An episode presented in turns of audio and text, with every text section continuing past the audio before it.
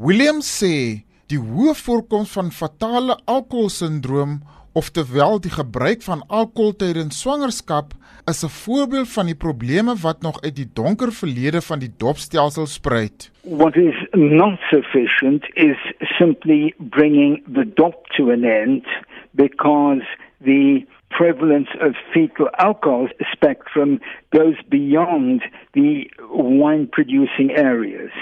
Researchers into fetal alcohol spectrum have discovered that the spectrum is not only concentrated in the winelands or in the wine and wheat farming areas, the highest prevalence thus far recorded has been in De Aar and in the wheat farming areas in Aurora on the west coast. In other words, the straight line, which is farmers produce wine, they give wine to their workers as part of their wages.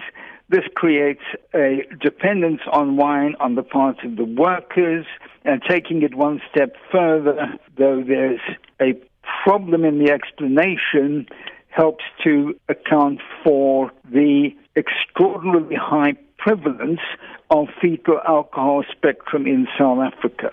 Mans het ook 'n belangrike rol te speel tydens 'n vrou se swangerskap. It is not simply a question of how girls and women behave, but it's also the practices of men that make a difference. The whole focus has tended to be on women because, as I said, there's no obvious bridge between what men do and the consequences for women and children, but we need to think of of the nature of that relationship. Volgens Williams het die einde van die dopstelsel in die land nie die einde van alkoholverwante probleme teweeggebring nie en nog meer vrae laat ontstaan. We don't know what the current incident that is new cases or prevalence of fetal alcohol spectrum is.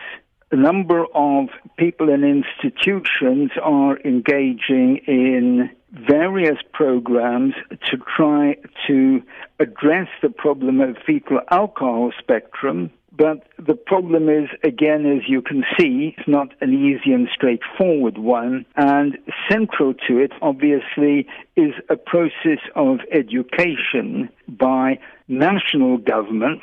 They need to treat it as a fundamental public health problem and as a problem which needs to be addressed as widely as possible.